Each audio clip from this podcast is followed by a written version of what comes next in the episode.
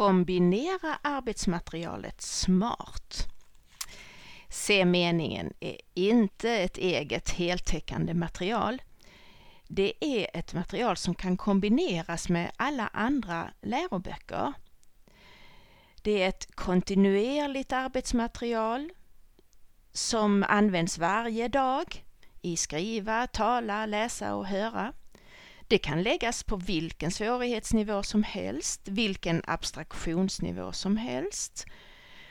Om det passar för elever och studieväg kan ni prata med alla korrekta grammatiska termer.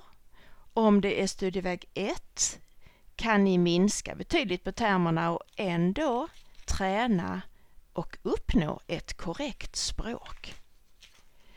Det bästa är att först arbeta in färgerna genom satsdelskorten och satsdelsormarna och kanske testa meningsarkivet med sina 240 olika meningar. Sen kan man låta, dem skriva, låta eleverna skriva i elevboken. Om de skriver för tidigt i elevboken utan att tänka på färgerna som stöd, då vinner man inte det som boken kan ge. Arbeta inte för ofta i elevboken.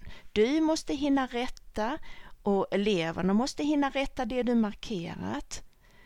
Men sen kan ni använda de färdiga meningarna och så bearbeta de meningarna på olika sätt innan man går vidare. Använd färger och satsdelsormarna när eleverna skriver fritt sina egna texter.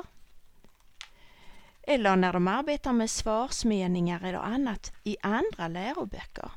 När du går runt och kommenterar och hjälper kan du ständigt hänvisa till rätt satsdelsorm. Om någon skrivit exempelvis en plats eller tid fel kan du hämta den satsdelsorm som passar med deras mening till deras bord och ni avgör tillsammans vad som blivit fel. Om någon glömt verb eller subjekt så kan ni se tillsammans på ormen vilken färg som saknas. Analysera meningen så som ni har gjort tillsammans på tavlan innan.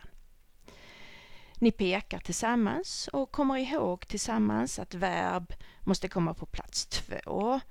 Ni ser att plats och tid inte kommer inne i meningen utan först eller sist. Och ni ser att pronomen på röd subjektsplats har en form och pronomen på gul plats aldrig har subjektsformen.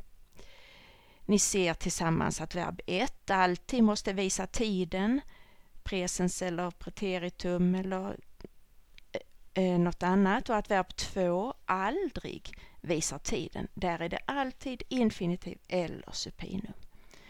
Och ni ser var den betonade lilla partikeln i partikelverben måste komma i förhållande till verben och satsadverbialen. Allt är ett levande arbetsmaterial för alla sorters lektioner. Och allt syns väldigt tydligt medan alla orden som man förklarar med, de kanske försvinner i fjärran. Lycka till!